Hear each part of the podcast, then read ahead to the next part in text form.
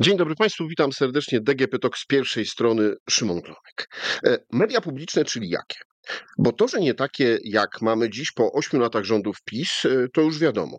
Nie chce tego ani e, koalicja 15 października, ani część opozycji. Ale przede wszystkim nie chcemy tego my, widzowie i słuchacze. Jak wynika z badania CEBOS z czerwca 2003 roku, aż 45% badanych źle oceniało działalność TVP. Dla porównania w 2014 tylko 12% negatywnie oceniało telewizję. Tak samo jest z Polskim Radiem, które w tym badaniu negatywnie oceniło 26% ankietowanych. W 2014 było to tylko 5%. Czemu tak źle oceniamy media i jakie są pomysły na zmianę? O to zapytam Jana Dworaka, prezesa TVP w latach 2004-2006 oraz członka i przewodniczącego Krajowej Rady Radiofonii i Telewizji w latach 2010-2016. Dzień dobry. Dzień dobry, witam. Skąd w Polakach jest taka zła ocena y, mediów publicznych? No, odpowiedź e, nasuwa się dosyć spontanicznie i wydaje się dosyć jasna i oczywista. Media publiczne no, przestały być publiczne, przestały pełnić tę rolę takiego, takiej płaszczyzny porozumienia Polaków i Polek o różnych poglądach, a zaczęły służyć tym, którzy rządzą, czyli Prawo i Sprawiedliwości więc zmieniły się w taką e, tubę propagandową. Jak jest e, coś propagandą, no to podoba się zwolennikom e, tych, którzy rządzą, a nie podoba się tym, którzy no, mają poczucie, że ktoś inny rządziłby lepiej. To jest podstawowa chyba diagnoza i taka diagnoza dosyć oczywista i myślę, że podzielana przez większość. To jest rzeczywiście, co się działo przez ostatnie kilkanaście lat, to jest kryzys mediów publicznych. One właściwie przestały pełnić swoją rolę mediów publicznych. No ale to tak jest. Żyjemy w y, takim świecie, gdzie media się splatają z polityką bardzo silnie i tam, gdzie w tej polityce jest y, demokracja liberalna, która szanuje różne, różne punkty widzenia, tam te media publiczne funkcjonują dobrze, lepiej lub gorzej, ale dobrze, a tam, gdzie y, ta, te reguły demokracji liberalnej, czyli poszanowanie dla poglądów jest zdecydowanie mniejsze albo go nie ma, no to tam te media się zmieniają po prostu, e, jak to się mówi, w tubę propagandową. Wraz z grupą ekspertów przygotował Pan e, dokument e, Media Obywatelskie z założenia ustawy o mediach służby publicznej. I ja się tak zastanawiam, bo w ostatnich latach przez cały czas mówiliśmy o mediach narodowych, czyli takich mediach, które mają przedstawiać punkt widzenia Polski, mają promować tą polskość. A Państwo mówicie o mediach służby publicznej. To całkowicie inne podejście. E, tak, to jest inne podejście i w e, tych e, nazwach, które Pan wymienił, ono się wyraża, to różne podejście, co nie znaczy, że e, nie szanujemy, nie lubimy, nie doceniamy tego narodowego wymiaru mediów. Doceniamy. No, media publiczne funkcjonują w ramach państw narodowych jak do tej pory i pewnie przez jakiś czas jeszcze tak będzie, niezależnie od tego, że też jesteśmy w Unii Europejskiej. Ale ma Pan rację, my podkreślamy inne walory tych mediów, mianowicie walory obywatelskie i służby publicznej. E, to są dwa trochę różne e, akcenty, bo jeśli chodzi o e, media obywatelskie, to one mają służyć obywatelom, dopuszczać tych obywateli niejako do funkcjonowania, różne, uwzględniać różne wrażliwości. Jeśli chodzi o służbę publiczną, no, to mają bardziej aktywnie wspierać nowe formy aktywności obywateli w mediach. Wiemy przecież, że w tej chwili bardzo e, silnie oddziałuje na poglądy ludzi sfera internetu. I tam e, każdy jest nie tylko widzem i słuchaczem, ale też każdy może być i wielu chce być autorami różnych treści i jest. Więc media publiczne muszą uwzględniać te różne punkty widzenia. Nasz projekt, projekt rzeczywiście mediów obywatelskich, mediów o służbie publicznej, tę te nową rzeczywistość technologiczną i nową świadomość osób używających mediów uwzględnia. Ale żeby przejść do zmiany, to na początku dokumentu Państwo dużo miejsca poświęcacie tym, jakie są błędy, jakie są złe y, praktyki prawne, ale też i złe mm, takie praktyki obyczajowe, czy, czy po prostu mm, takie praktyki dnia codziennego. Jakby Pan powiedział o takich konkretnych rzeczach, które uważacie, że są do zmiany? No, na, na pewno trzeba zmienić y, y, przede wszystkim to, co y, w tej chwili, no, do, mówię w tej chwili, bo do tej pory to tutaj wybory niewiele zmieniły.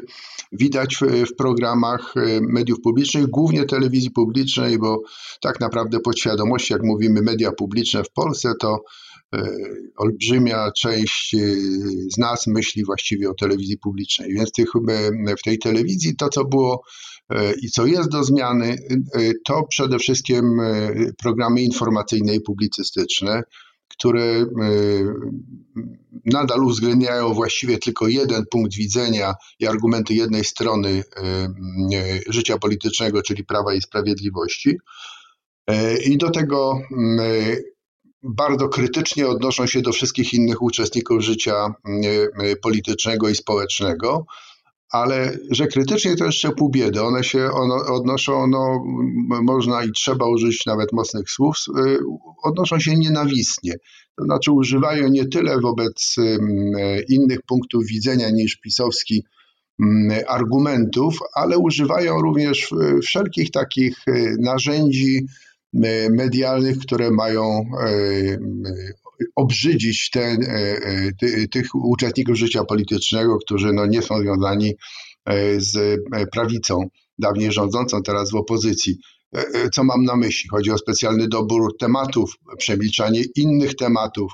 Mam na myśli tutaj nawet takie mm, już warsztatowe sztuczki, jak na przykład zmianę kolorystyki, kiedy mówi się o E, osobach, które należy skrytykować albo przedstawić w niekorzystnym świetle. No, to się je pokazuje już dosłownie w e, świetle takim zabarwionym na czerwono.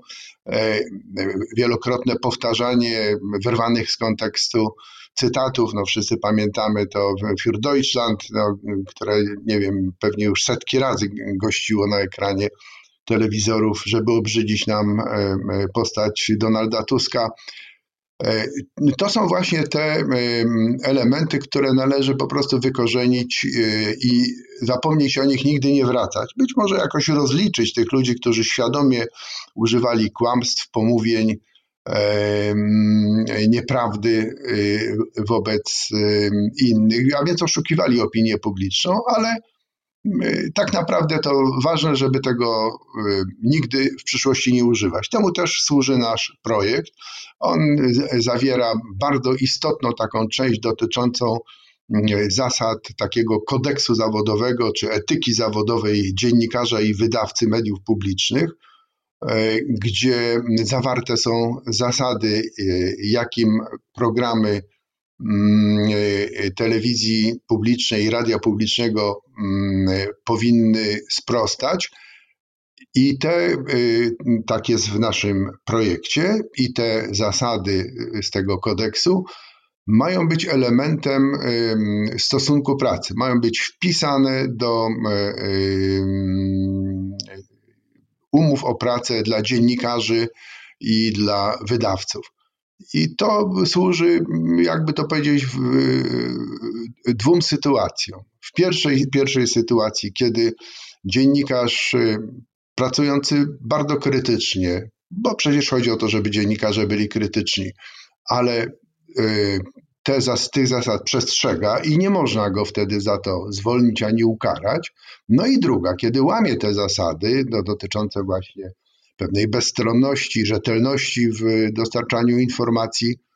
Mm, I wtedy, kiedy, wtedy, kiedy on te zasady łamie, powtórzę, może zostać za to ukarany. Wtedy sytuacja jest zupełnie jasna i czysta i nie zmagamy się z jakimiś sporami słownymi, co to znaczy na przykład pluralizm w mediach czy jednostronność mediów publicznych to jest e, rzecz zrozumiała w ramach e, szerszego kontekstu, no bo inne media przedstawiają sprawy w inny sposób, czy też nie.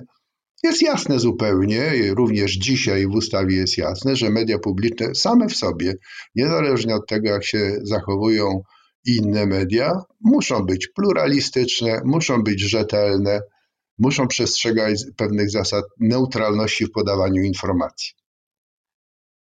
Ale to ja od razu zapytam, kto taki kodeks ma napisać, e, bo e, zawsze będzie można spotkać się z zarzutem, że on jest pisany pod jakąś opcję polityczną, pod jakąś opcję ideową, już żeby nie mówić o konkretnej partii, ale konkretne myślenie, czy postrzeganie taki, Polski. E, panie redaktorze, taki kodeks istnieje. On został napisany w telewizji, no w tym czasie akurat, no to nie jest przypadek, kiedy ja tam pracowałem, byłem prezesem w 2005 roku i żaden późniejszy prezes tego kodeksu nie, nie zmienił. Również teraz on obowiązuje. Problem polega na tym, że on jest nieprzestrzegany, że to jest taka rzeczywistość de jure, a e, jak mówią prawnicy, a de facto dzieje się to, co się dzieje, że on jest nadużywany.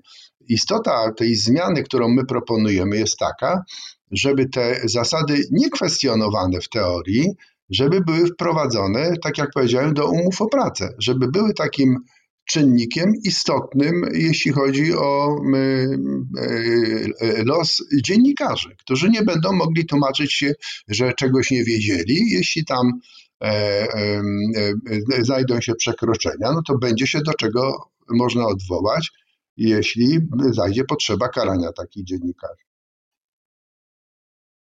No ale żeby zawierać umowę o pracę, żeby wpisać to do takiej umowy, no to potrzebne są konkretne zmiany w władzach, w zarządzaniu mediami. Tutaj też Państwo w tym projekcie macie bardzo konkretne pomysły, co zrobić, e, żeby odpolitycznić czy odpartyjnić media. Tak, to jest główna bolączka, którą my odczuwamy, o tym zresztą mówimy przecież teraz. To jest takie e, silne upartyjnienie tych mediów. My proponujemy tutaj e, taki środek zaradczy, właściwie dwa środki zaradcze podstawowe. Pierwszy to jest zmiana struktury mediów. Otóż ważne jest, żeby w obecnej sytuacji te media funkcjonowały na poziomie regionalnym. Mamy 16 województw i mamy 16 rozgłośni regionalnych y, Polskiego Radia. Dochodzą nas głosy, że te rozgłośnie zachowują się bardzo różnie nie zachowywały się tak samo, e, jak kazała im centrala w ciągu ostatnich e, ośmiu lat. Zachowywały się bardzo różnie. A jeszcze do tego wiem to z praktyki, z pracy w Krajowej Radzie, że są to media, które zupełnie dobrze sobie radzą, jeśli chodzi o gospodarność. No i mamy w tych 16 województwach także E, takie regionalne mm, oddziały telewizji publicznej. Przy czym te oddziały telewizji publicznej to jest część jednego organizmu telewizji. I te oddziały z kolei tak naprawdę nie radzą sobie dobrze, ale to dlatego, że podlegają centrali i są niesamodzielne. Wszystkie istotne decyzje dotyczące tych oddziałów zapadają w Warszawie. Więc naszym pomysłem jest to, żeby połączyć te y, oddziały telewizji publicznej z rozgłośniami regionalnymi i uczynić z nich niezależne spółki. Wtedy otrzymamy 16 niezależnych spółek regionalnych, w które będą lepiej obsługiwały, mm, no to nieładne słowo, ale lepiej będzie służyły, o to lepiej, lepiej będą, będą służyły tym regionalnym społecznościom, E, no i będziemy mieli połączone prawdopodobnie w przyszłości, polskie radio i polską telewizję.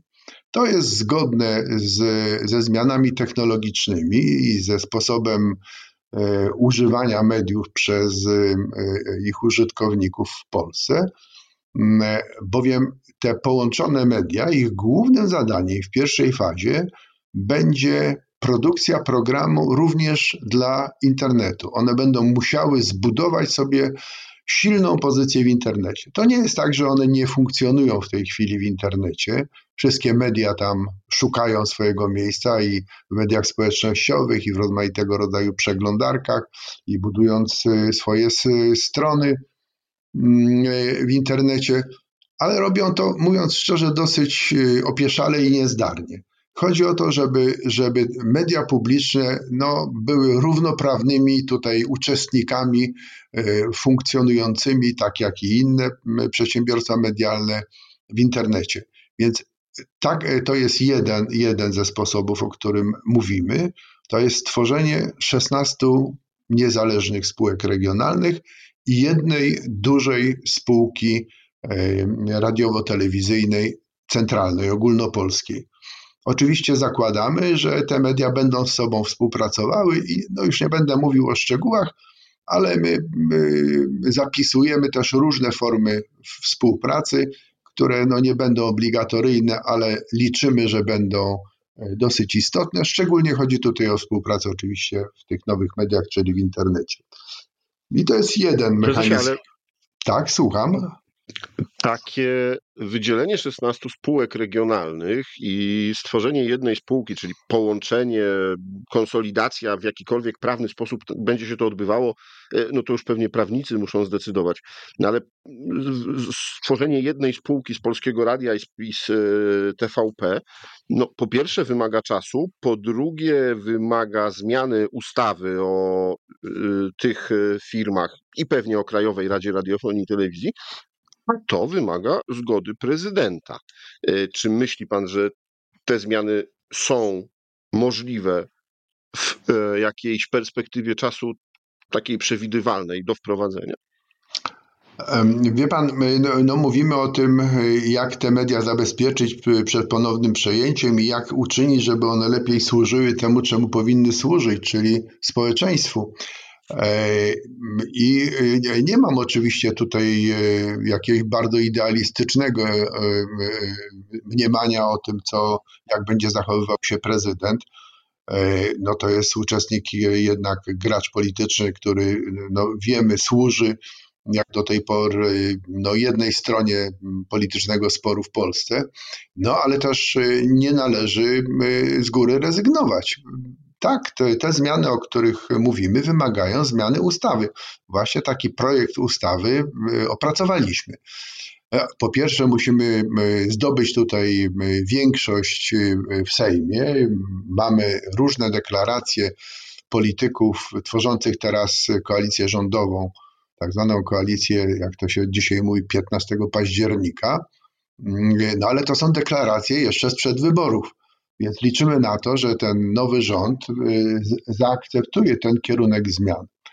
A czy to się dokona za zgodą y, pana prezydenta? Bardzo bym chciał, bo to są zmiany, które będą na pewno służyły rozwojowi społecznemu i mm, edukacji społecznej, nie będą służyły temu, żeby poziom publicznej debaty no, był y, wyższy niż do tej pory. Ale jeśli prezydent się nie zgodzi, no to po pierwsze, możemy czekać jeszcze półtora roku. To jest rzeczywiście program zmian, który należy bardzo przygotować i on jest bardzo złożony, bo dotyczy żywych organizmów, funkcjonujących organizmów, wielkiego majątku narodowego i tego materialnego w postaci siedzib y, tych wszystkich spółek, o których mówimy i sprzętu, no ale dotyczy też y, praw do wielu utworów, więc to jest wielki majątek tę zmianę należy przygotować bardzo e, uważnie i e, to wymaga jeszcze wiele pracy. Więc być może ten okres dwóch lat e, temu posłuży, choć na pewno można to zrobić szybciej, jeśli mm, będzie się miało narzędzia rządowe. Więc jeśli prezydent się na to nie zgodzi, no to jest zawsze takie oczekiwanie, że może znajdzie się jakaś większość, żeby tę nową ustawę uchwalić. Nie wiemy, jak będą przebiegały procesy polityczne w polskim Sejmie, jak będzie zachowywała się największa partia, czy nie zacznie tam się proces rozliczeń i czy tych tak naprawdę dziesięciu posłów nie znajdzie się, żeby poprzeć rozmaite dobre rozwiązania, w tym to rozwiązanie dotyczące mediów publicznych które, które to głosy pozwoliłyby przełamać ewentualne prezydenckie weto. Tego po prostu nie wiemy. To, co, a jeśli tak się nie zdarzy, no to cóż, no to za dwa lata, niecałe dwa lata, będzie inny prezydent i liczymy na to, że ten prezydent będzie bardziej prospołeczny i bardziej otwarty na takie zmiany w kierunku docenienia społeczeństwa obywatelskiego i no, tej różnobarwności społeczeństwa, mm, które rzeczywiście istnieje, co powinno znaleźć też przejaw telewizji publicznej. Więc. Y, Panie prezesie, no dobrze, to Rachunek polityczny po prostu jest, jest y, w tej chwili taką niewiadomą a my musimy zrobić, co do nas należy, to znaczy dobrze przygotować tę zmianę, no i zyskać, jak mówię, tutaj wsparcie y, tej większości parlamentarnej, zanim zaczniemy myśleć o tym, y, jak przekonać prezydenta do tych zmian. Media publiczne miały być publiczne chociażby przez to, że Krajowa Rada Radiofonii i Telewizji ma swoje miejsce jako mm, organ zagwarantowany e, w e, Konstytucji. E, no ale okazuje się, że politykom udało się to obejść i tak naprawdę wszystko zależy od tego, jak politycy wybiorą prezesa spółki która y, zarządza, czyli no, tutaj akurat znowu mówimy e, najczęściej o prezesach e, telewizji polskiej. Y, jak podchodzicie w projekcie, jaki macie pomysł na to, e, żeby nie powtórzyły się takie polityczne wybory wręcz aktywnych polityków, którzy sterowali później dziennikarzami, wydawcami w mediach? Tak, to jest ten drugi, druga sprawa niesłychanie istotna, o której dla funkcjonowania mediów, o której pan redaktor wspomina, to jest sposób wyboru władz tych mediów.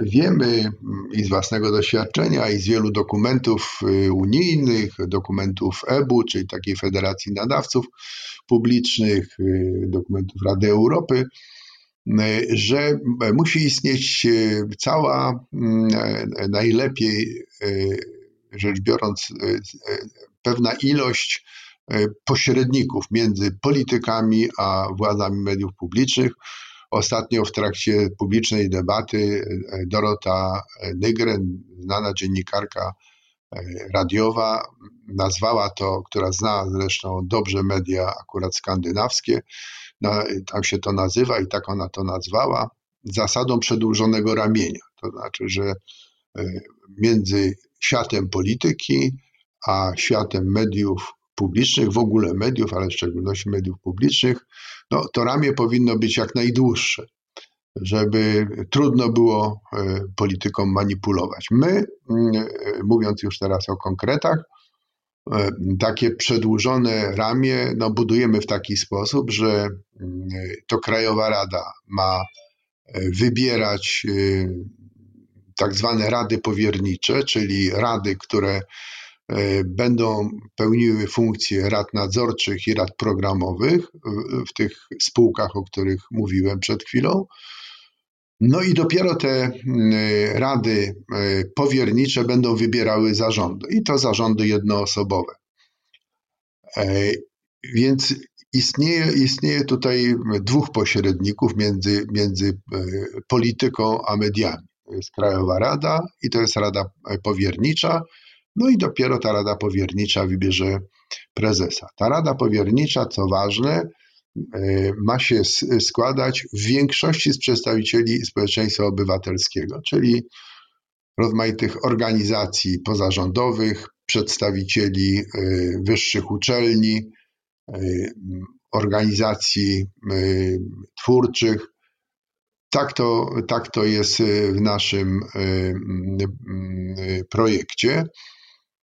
Część, mniejszą część miejsc w tych spółkach na poziomie regionów mają obsadzać kluby mm, sejmikowe, ale to mają być też osoby, które nie są związane z polityką i nie pełnią żadnych funkcji politycznych.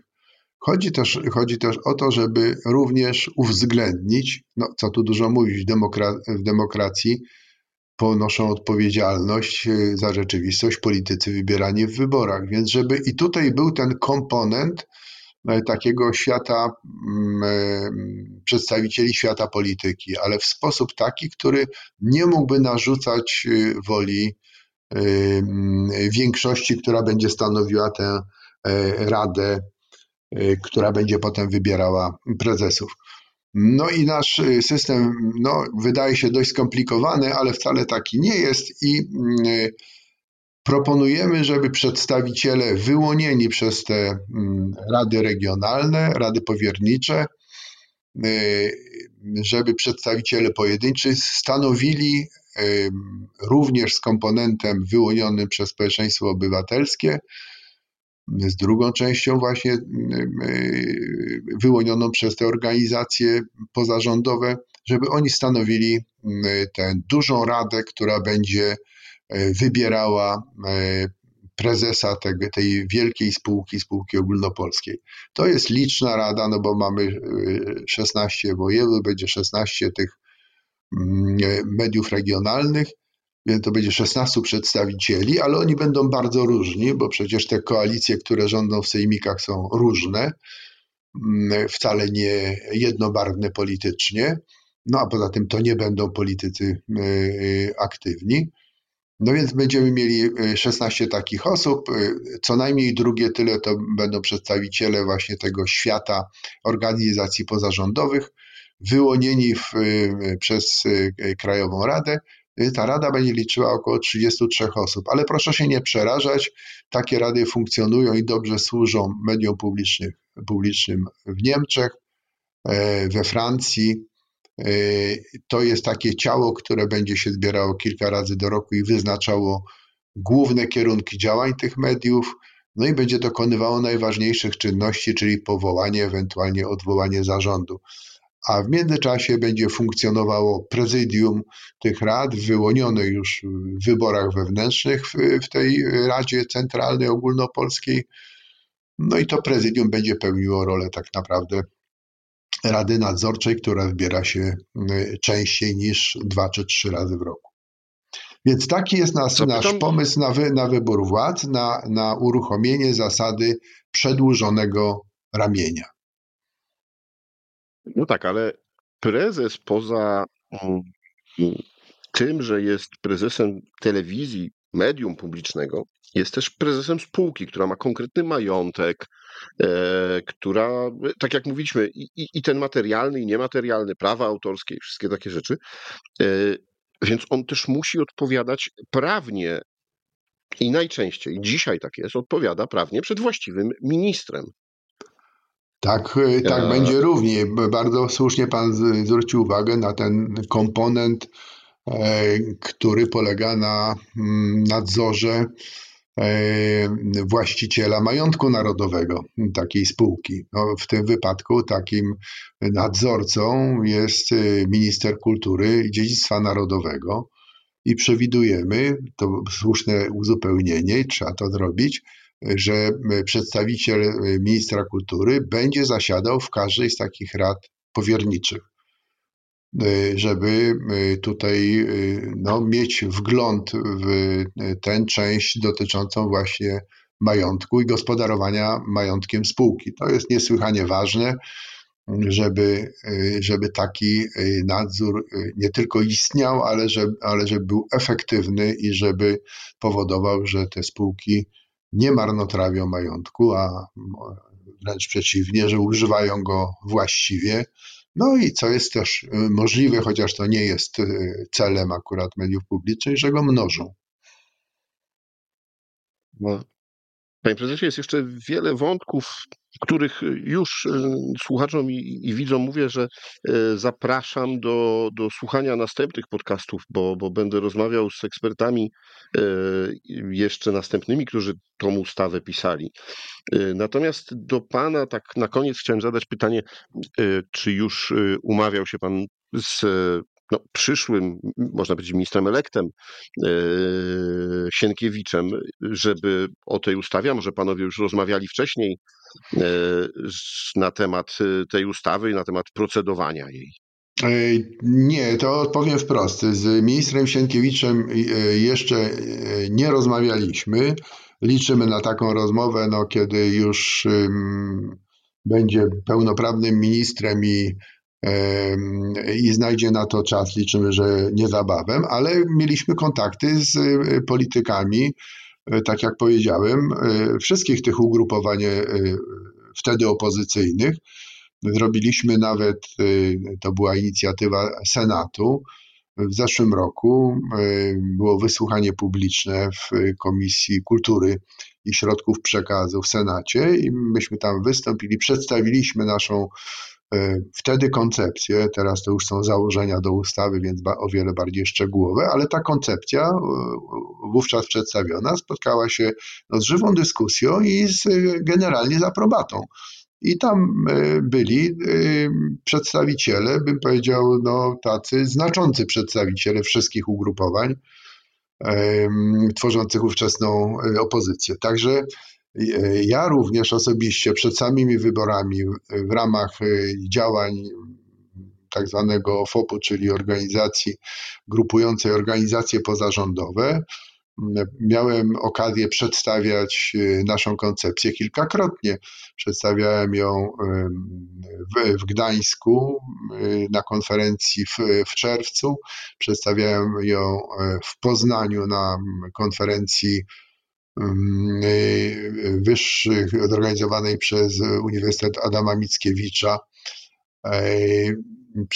Przedstawiają się na tak zwanych Igrzyskach Wolności w Łodzi. No i mieliśmy spotkanie przed samymi wyborami, gdzie politycy wszystkich tych ugrupowań spotkali się z organizacjami pozarządowymi, więc y, tych y, platform czy, czy tych forów, gdzie myśmy przedstawiali ten y, nasz y, projekt, było wiele.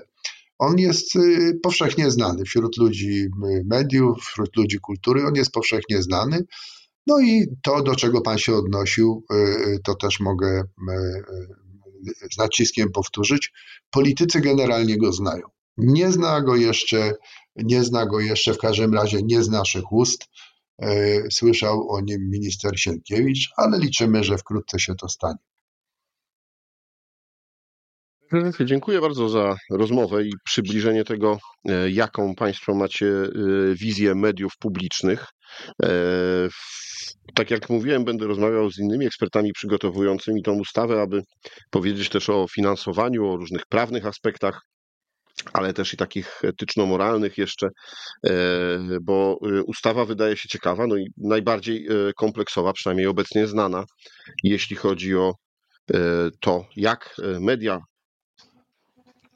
rządowe mogą stać się z powrotem mediami publicznymi. Tak, dziękuję, dziękuję, dziękuję bardzo za tę rozmowę. Moim i Państwa gościem był Jan Dworak, prezes Telewizji Polskiej w latach 2004-2006 oraz członek i przewodniczący Krajowej Rady Radiofonii i Telewizji w latach 2010-2016, a rozmawiał Szymon Glonek. Do usłyszenia.